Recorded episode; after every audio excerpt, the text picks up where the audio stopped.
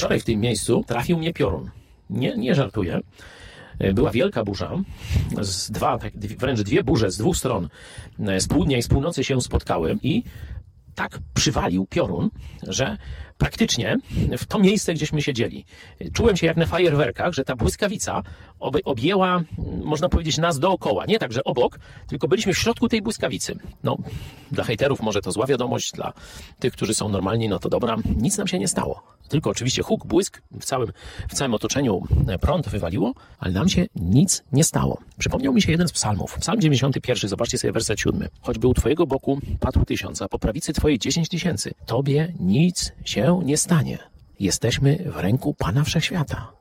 To jest naprawdę najbezpieczniejsze miejsce na ziemi. Niezależnie jakie złe rzeczy będą przed nami się pojawiać, to pamiętaj, jeśli jesteś chrześcijaninem, jesteś w ręku wszechmocnego Boga, Pana Wszechświata.